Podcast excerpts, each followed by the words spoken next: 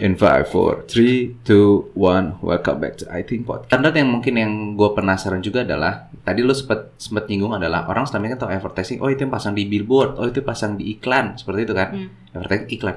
Sebenarnya emang sedetail apa sih pekerjaan di advertising sebenarnya pembagian nih? Eh, pembagiannya. Mm-mm. Pokoknya tuh kita ada, eh gue tuh di tim kreatif. Kreatif tuh Mhm. terdiri dari terlepas dari apa strukturalnya gitu ya. Mm-mm. Ada yang bagian art dan bagian copy. Mm-mm. Nah, terus eh, ada juga eh, apa account account team itu yang bagian nge-handle klien. Jadi dia tuh mereka tuh as a bridge-nya kita, jembatan antar maunya bukan maunya kita ya, maksudnya Hmm. maunya klien gimana, briefnya dari klien dan eh, sampai turun ke kreatif tuh gimana. Tapi sebelum itu eh, juga ada namanya eh, strategis. Mereka tuh yang lebih ke main mind mappingnya segala macam dari yang brief terima brief tuh sama account nih sama account ke klien terima brief kita klien mau ini ini ini A, B, C segala Oke, macam misalkan let's say contoh gini, kalau kalau misalkan itu flow seperti itu, let's say anggap aja gue as a client ya, Mm-mm. gue klien terus habis itu gue misalkan punya barang eh, handphone misalkan gue datang ke lo sebenarnya flow-nya seperti apa sebenarnya sampai akhirnya jadi iklan tuh muncul akhirnya kalau bilang oh di billboard nih Hmm, datang ke account oke klien manggil nih account Hmm. datang dong sama apa plannernya kita namanya planner kasih strategisnya datang oke terima brief dari klien segala macam mereka ngegodok nih briefnya itu buat eh, ngetargeting mau ngomongnya apa let's say misalkan ada handphone tuh banyak banget kan Mm-mm. pasti maunya punya apa what to say what to say sendiri dong tiap brand. Nah Hmm. itu mereka nyari tuh nggak injek um, yang mana sih yang belum gua ini belum gua apa belum ada publish atau yang belum belum yang publish gitu yang belum yang orang tuh kayak nih baru nih apa segala macamnya gitu. Nah itu udah berarti iya betul. Jadi baru sampai dari situ gue bisa kayak oke si planner ngebrief kita mau bikin uh, kita punya brand ini brand ini gini nih. Uh, waktu saya yang udah touch pointnya nih starting pointnya yang udah gue temuin tuh ini terus audiensnya tuh ini gitu jadi kita ngulik tuh dan dari situ baru tuh si kita sebagai kreatif baru kita nggak execute secara visual ataupun uh, headline copy gitu Oh oke, berarti jadi selama ini kalau orang bilang yang kayak oh gue bagian kerja di kreatif nih di kreatifnya segala macam Mhm. itu, berarti sebenarnya sebelum di kreatif itu ada orang strategik yang ngasih tau dia dulu Iya. seperti kayak mungkin kebagi demografinya psikografi itu Iya. di mereka atau di kreatif? Uh, di mereka Di mereka di stra- orang strategik itu Mhm. baru ngasih tau kepada lu pada. Mm-mm. tapi Dan- bukan berarti kita nggak nyari tahu juga ya kita juga mulai nyari tahu dong dari apa yang udah starting base dari situ lah kita nyari Hmm. tahu dong Ibarat kata lu memvalidasi dari strategik yang sudah ada datang ke lu. ya bisa dibilang sih gitu Oke. Lalu pada saat nyampe di orang kreatif, sebenarnya apa pekerjaan untuk nyampe di orang kreatif ya? Setelah lu tau, let's say misal contoh, oh handphone ini pangsa pasarnya misalkan dari usianya 18 sampai 35. Terus itu lu kan akan tanya seperti itu kan? iya Lalu dibagi yang tadi lu bilang ke art dan uh, art dan copy. Jadi kayak oke udah ada nih. Berarti misalkan kalau handphone berarti kita ngomongnya kalau nggak di iklan di billboard kan. Mm-mm. Uh, di billboard pun lu kalau ngeliat handphone nggak cuma handphone doang dong, kecuali itu handphone udah established banget. Mm-mm. Pasti lu ngeliat ada misalkan uh, kita lihat handphone handphone sorry itu sih handphone handphone Cina sekarang pasti butuh satu brand ambassador. Mm-mm. Lu lihat lo muka artis ini, Mm. itu yang kita cari.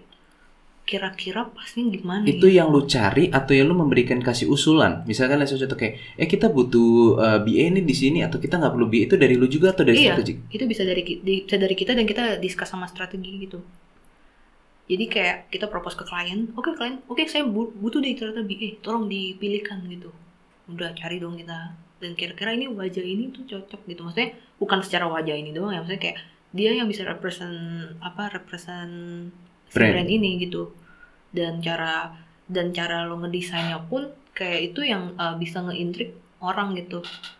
Kayak misalkan let's say uh, brand Xiaomi pun kalau nge-intrik orang dengan cara gue ini adalah dupe-nya Apple.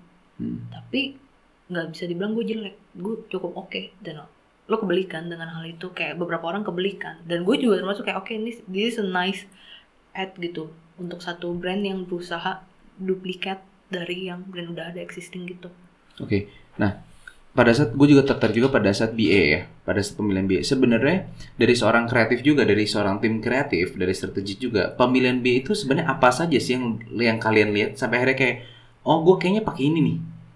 itu kita nyari dari pertama pasti sesuai din sesuai sama demografis yang ada dong gimana si BA ini bisa jadi apa uh, inspire dan apa aspiration orang-orang gitu Mhm. ih kayak pas gue ngeliat ini orang wow gue bisa ngerelate gitu. Mencerminkan seperti kayak konsumen itu gue iya. pengen kayak dia. Iya bisa dibilang kayak gitu. Hmm, mau dibilang kita jual mimpi eh, itu juga ada betulnya gitu. Seperti itu sih kayaknya kalau BA Hmm. Selain itu apa lagi? Per- pertimbangan dari kalian? pertimbangannya Selain mencerminkan bahwa ini produk ada di dia, eh, pasti ada aspek-aspek lain juga kan yang untuk akhirnya kan, let's say misalnya contoh anak muda, anak muda juga pasti kan banyak eh, figur-figur yang mewakili anak muda di sini. Atau di era sekarang ini Iya, iya. kita tidak bisa pungkiri bahwa ada pembagi daya. Oh ini ini artis, ini ada influencer, ini ada selebgram. Itu kan Iya. pasti kan kalian memikirkan itu lagi ya. Iya betul banget itu itu pun juga itu turunannya beda ketika kita misalkan di ATL kita pakai wajahnya tuh ini BA-nya ini as a BA tapi nanti ketika lo ngomongin di digital Hmm.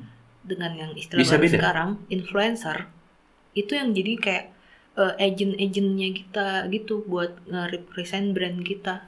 Oh. ada kan influencer yang kayak eh, adalah yang banyak banget kan influencer juga dibagi lagi. Ada yang apa makro influencer yang yang lebih gedenya yang orang cukup aware dengan dia siapa. Hmm. ada lagi yang micro atau nano yang itu yang benar-benar targeting gitu loh yang kayak followers mungkin masih sekitar 5000 10 ribuan tapi itu juga udah cukup banyak orang yang engage sama dia.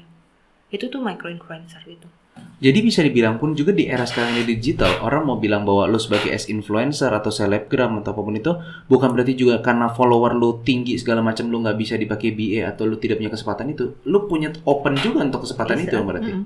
bisa karena di mana kita sebagai brand kita mau ini kayaknya gue ada satu brand misalkan brand ini anak muda nih gue mau nyari follower yang kira-kira eh, mau ngerit audiens kita dengan cara nyari apa satu selebgram atau misalkan influencer micro atau apa pun yang kira-kira yang bisa relate sama mereka. Dari jokesnya lah dari cara dia bikin caption lah dari cara dia ngomong ke audiensnya lah dan pasti kan ada kayak interseksinya gitu loh antara lu milih influencer ini dan ketika lu lihat oh banyak juga nih followers dari brand ini di influencer ini. Kenapa tidak gitu? Ataupun kita mau misalnya nyari reach apa eh, audiens baru. Bisa juga dari tapi dari channeling si influencer yang itu. Kayak oke gue bisa nge-grab ini potensial nih ada nih ya udah. Jadi sorry gue gue jadi akhirnya jadi penasaran lagi. Let's say misalkan kita punya satu produk lah ya, berarti tidak menjamin pada saat kalau lu menggunakan uh, influencer atau selebgram atau artis yang followernya tinggi, brand lu juga tiba, uh, langsung oh ini langsung booming engage Enggak. itu tidak menjamin berarti. tidak menjamin. Karena eh, apa ya yang followers yang banyak tinggi oke itu sebagai itu bagus di tahap awareness. Kayak orang cukup aware gitu dengan brand ini. Oh iya ada di sini di endorse nih berarti kata gitu kan Hmm. tapi untuk orang yang benar-benar misalkan eh, lo kalau lihat Instagram sekarang tuh algoritmanya udah segitu luar biasanya kayak bisa ngebaca apa yang lo search kan Iya. Nah, ketika lo search misalnya apa, terus tiba-tiba muncul satu orang yang kayak seakan-akan dia apa, itu udah namanya micro influencer, ibarat kata. Dan itu kayak berarti dia yang targetingnya ke lo, dan lo dapet itu. Nah, itu berarti brand tuh bisa nge-reach lo sampai segitunya. Gak cuma dari yang bikin influencer, tapi bisa sampai yang di micro influencer. So berarti pada saat sekarang pemilihan uh, BA atau kita mau menggunakan uh, influencer segala macam itu nih, berarti bisa dipakai yang tadi lu bilang uh, algoritmanya bisa kita lihat juga Iya, ya. itu bisa di ini juga. Bukan semata-mata yang kita lihat bahwa oh ini kalau yang dulu gue sama temen gue pernah dikasih tahu bahwa oh ini kalau follower misalkan let's say 1 juta atau 2 juta kita bisa dapat 10% di sini kan langsung orang bisa aware dari situ. Belum tentu juga Belum tentu juga. Kan butuhnya nggak cuma sekedar aware, tapi bisa engage dong. Bisa istilahnya kayak karena aware aja nggak cukup buat engage pasti. cukup makanya kayak butuh kayak beberapa influencer lagi micro influencer itu dan sekarang banyak sih lumayan banyak kayak KOL agency yang jadi kita misalnya udah ada strategi segala macam kita juga nggak mungkin kerja dengan sendiri dong Mm-mm. pasti kita kayak gue sebagai kreatif juga nggak bisa tuh kayak mikirin aduh gue harus nge-reach influencer ini segala macam. Pasti kita butuh satu KOL aja nih. Nah dia yang bikin strategi lagi gimana sih KOL gimana sih para eh, micro influencer ini para eh, macro influencer ini bisa works dengan baik gitu? So jadi lu sendiri juga harus kita sebagai orang yang punya brand atau kita sebagai strategic brand juga pada sebenarnya harus bisa mem- membagi-bagi itu juga ya. harus bisa.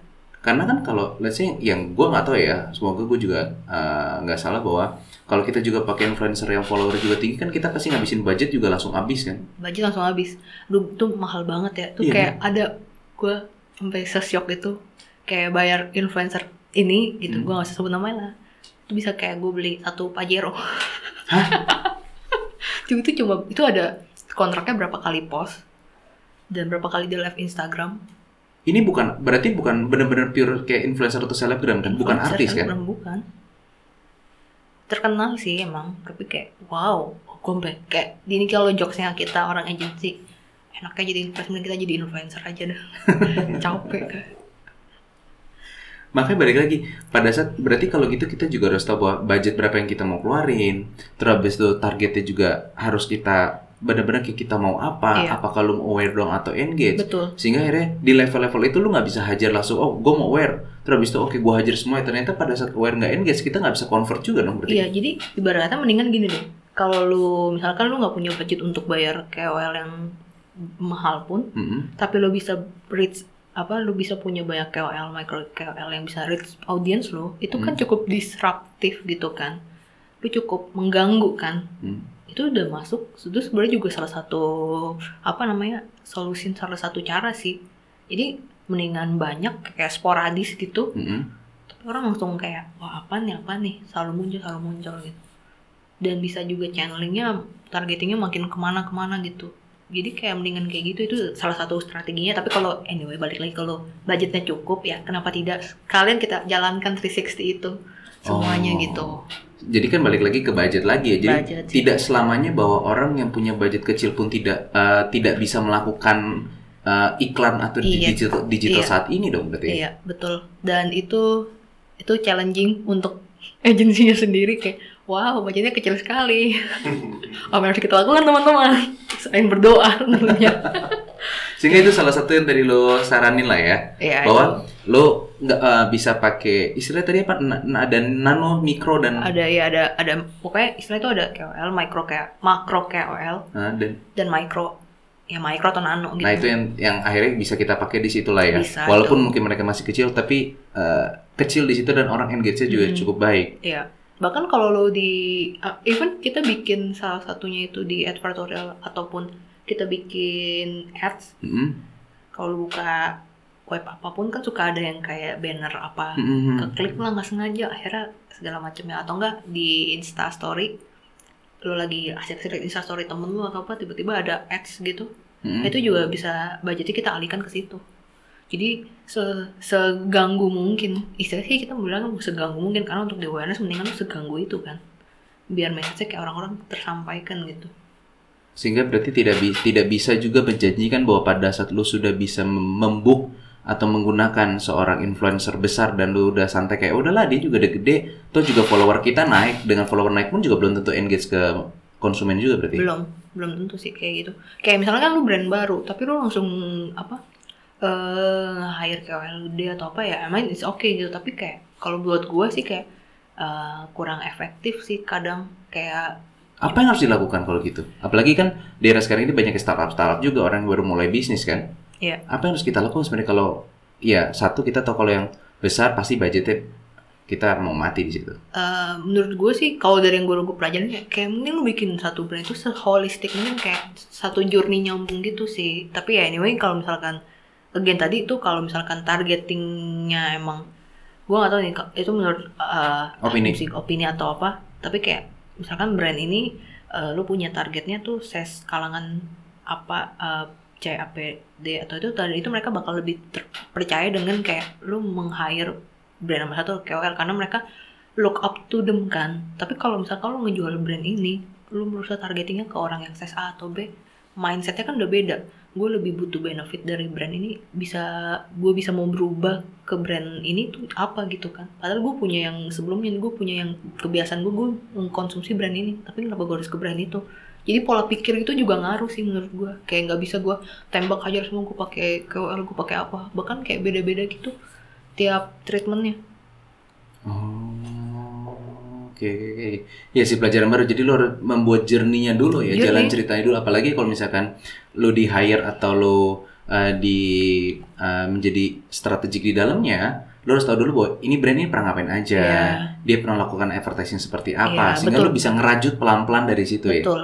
Kayak ini deh, eh, pasti eh, cukup eh, kenal dengan jokes ini kan apa?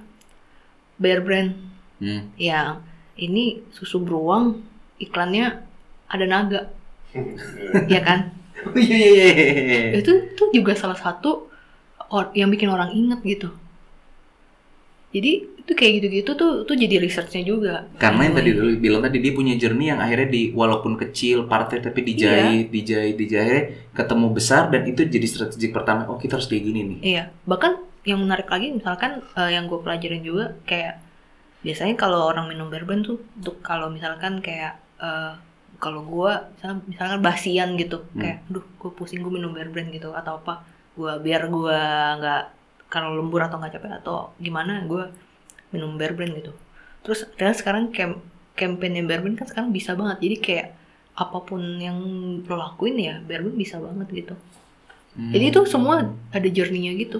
sehingga akhirnya pun strategik iklannya juga, bu sorry bukan strategik iklan adalah uh, penyampaian yang akan ditaruh kepada konsumen itu bisa mengikuti tren saat ini karena lu nyambungin itu terus ya. Iya, kayak gitu-gitu. Pasti semuanya harus nyambung gitu. Gimana sih? Berusaha, kita berusaha pasti bikinnya seamless dong.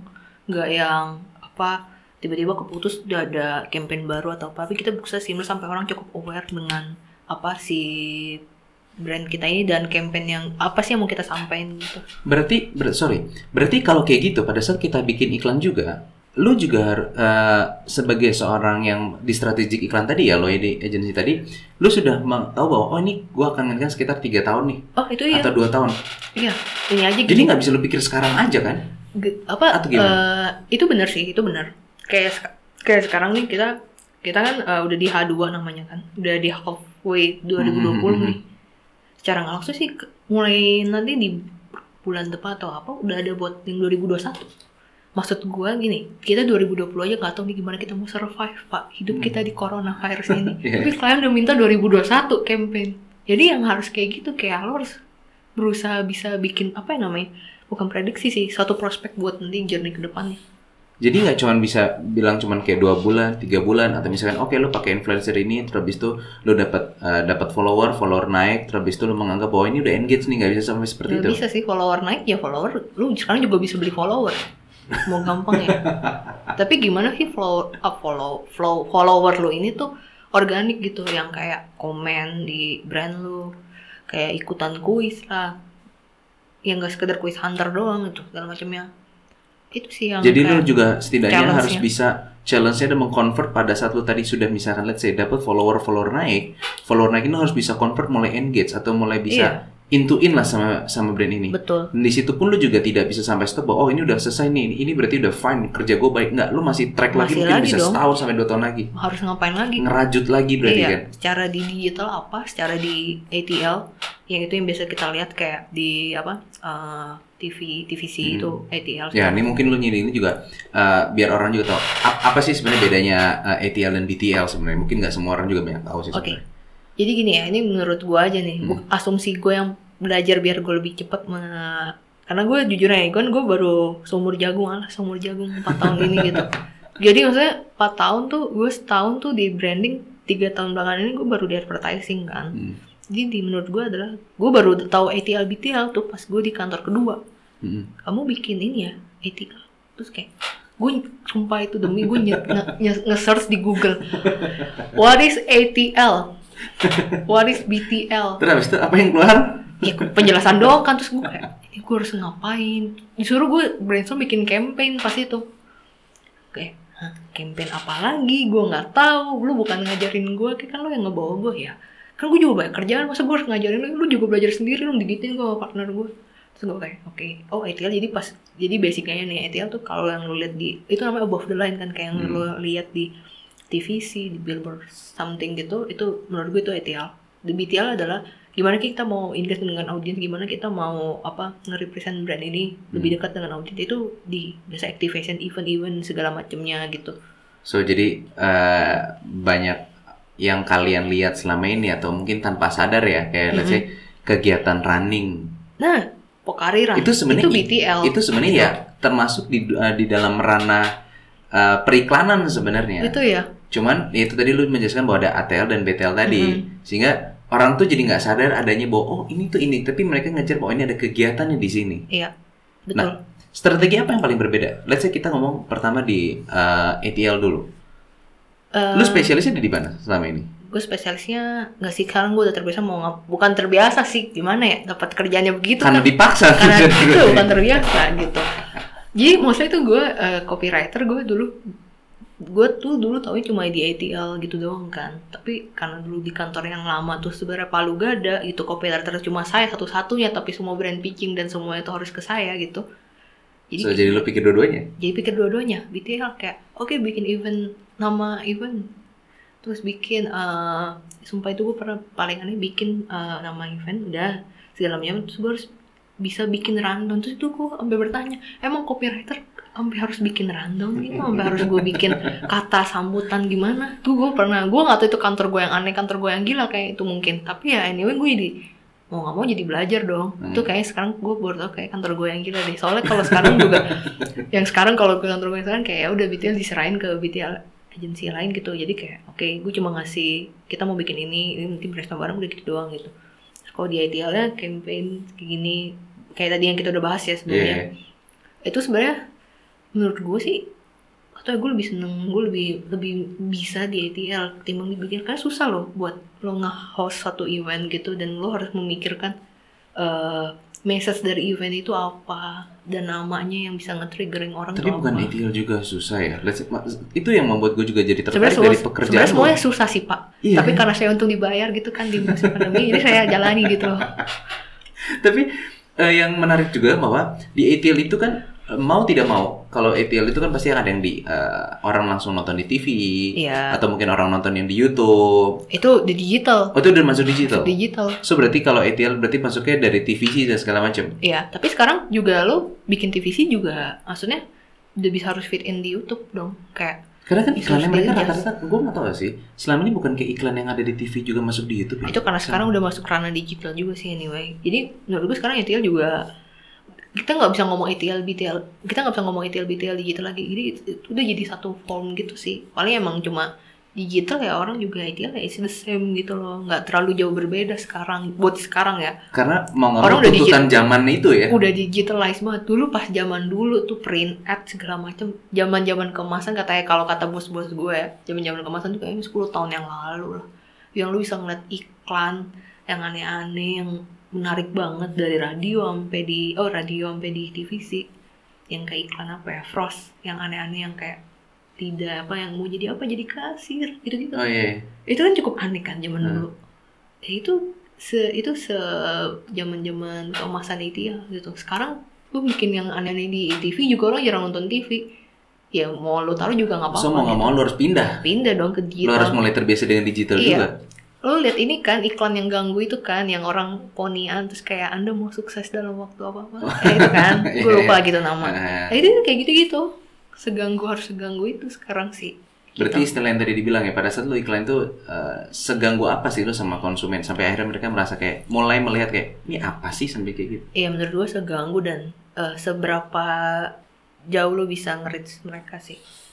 How caranya kita sampai bisa nge-reach mereka? Gue nggak ngomong nge-reach mungkin sampai meng-engage Mungkin- mereka sampai mungkin. kayak ah ini ada ini kan itu juga salah satu kelebihan lo kan ngatur-ngatur kata tadi di situ kan. Iya, nah ini deh eh, apa ya? Gak cuma ngatur kata doang, maksudnya kayak maksudnya gue ya gue ngatur kata tapi it's a it's a group team, maksudnya it's a work team Mhm. gitu kan. Eh, terus kayak ketika ini deh dapat report dari klien salesnya naik itu salah satu KPI bisa jadi salah satu KPI itu tidak bisa dipungkiri klien memanggil anda untuk pasang iklan supaya apa orang cukup bisa beli brandnya Iya. dong atau enggak di ketika orang nge-search uh, brandnya juga itu kan kayak ada ada datanya Iya, iya. berapa banyak Betul. brand di search dicari Hmm. tahu kan nah itu kayak gitu itu Oke, harus ada perubahannya gitu salah satu salah satu hal yang harus dimiliki kemampuan sebagai seorang copywriter adalah bagaimana menyusun kata atau mungkin menulis uh, susunan-susunan kata yang langsung menarik dan orang langsung minimal dua tiga kali udah mulai ingat bener nggak sih? iya normal. Gimana sih sebenarnya tekniknya? tekniknya? Aduh itu sebenarnya sih nggak ada teknik gimana ya. Gue juga kalau misalnya kalau tanya gue gue juga tiap hari tuh masih ber- masih bergelut. Anjay bergelut. Ngerti nggak bergelut gitu? Maksudnya eh eh, there's apa ya?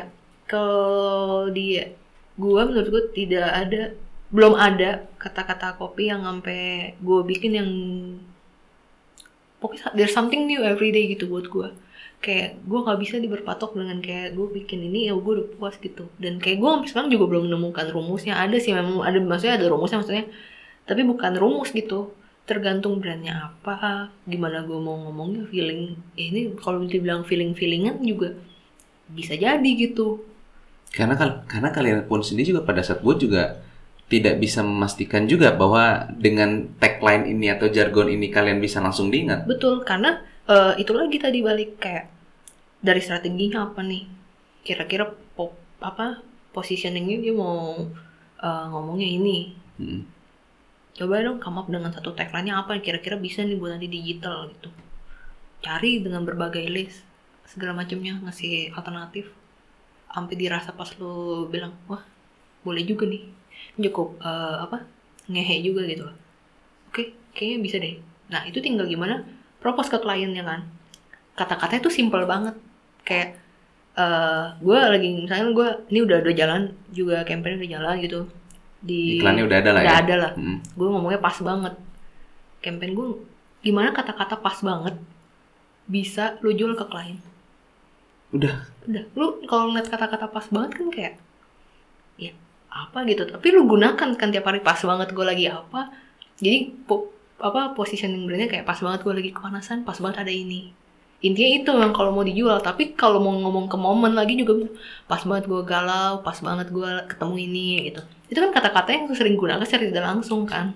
Berarti sebenarnya pada saat kalau kita bikin tagline atau kita bikin jargon pun kita nggak perlu sampai mikir yang sepusing pakai rumus segala macam ya. Lebih ke ngikutin dari strategi sih follow the strategi aja apa itu strategi itu udah ngasih satu idea kenapa bisa gue come up dengan pas banget adalah jadi si brand ini nih brand RTD lah ready to drink tea Hmm. gitu Uh, dia tuh in the between rasanya tuh in the between dari brand yang uh, Ada di paling top dan yang di ada bawah yang dia. paling top dan yang enggak apa yang kedua gitu Heeh. rasanya nih masalah rasa bukan masalah strata dia di mana nih Mm-mm. Yang paling top kan kayak apa pun makanannya. Nah itu kalau tau lah ya. Iya. yang satu lagi yang ulet. Oh iya. tapi ini kita ngomongin rasa ya. Jadi kita mau positioning si RTD-nya yang gue pegang ini. Itu dia di tengah-tengah. Rasanya tuh nggak yang terlalu eh, pahit tapi nggak terlalu manis. Itu Pas. yang akhirnya oh. di tengah-tengah in the middle. Apa? Pas banget. Udah pas banget nih rasanya segini pas banget nih So berarti lo sendiri pun juga harus mengetahui bagaimana produk dan jasa itu dong ya. Eh kita minum kok itu kita tes bareng-bareng. Emang gue sukanya yang ulet kan tapi kayak ya iya sih rasanya emang di tengah-tengah gitu ya. Gimana gitu. Berarti selama ini bahwa orang pada saat bikin iklan pun sampai sedetail itu lo sampai nyobain, sampai lo harus tahu, sampai lo tahu kompetitor seperti apa, sampai akhirnya mulai keluar ide di sini kayak, oh ya ini dia. Iya, kayak gitu. Dan sebenarnya nyari ide juga ya udah itu udah ada kita bikin. Gimana cara mau ngejual ke klien? Karena kan klien jual duit apa ngeluarin duit buat ini kan. Mm-mm. it's gonna work atau enggak kan? Ya itu sih yang susahnya. Nah, itu saya menyerahkan pada account team nah tapi kita juga preset kita meyakinkan klien. Tapi gimana sih cara mereka bisa ngejual itu? Nah. ya itu ngejual kata pas banget. Oke,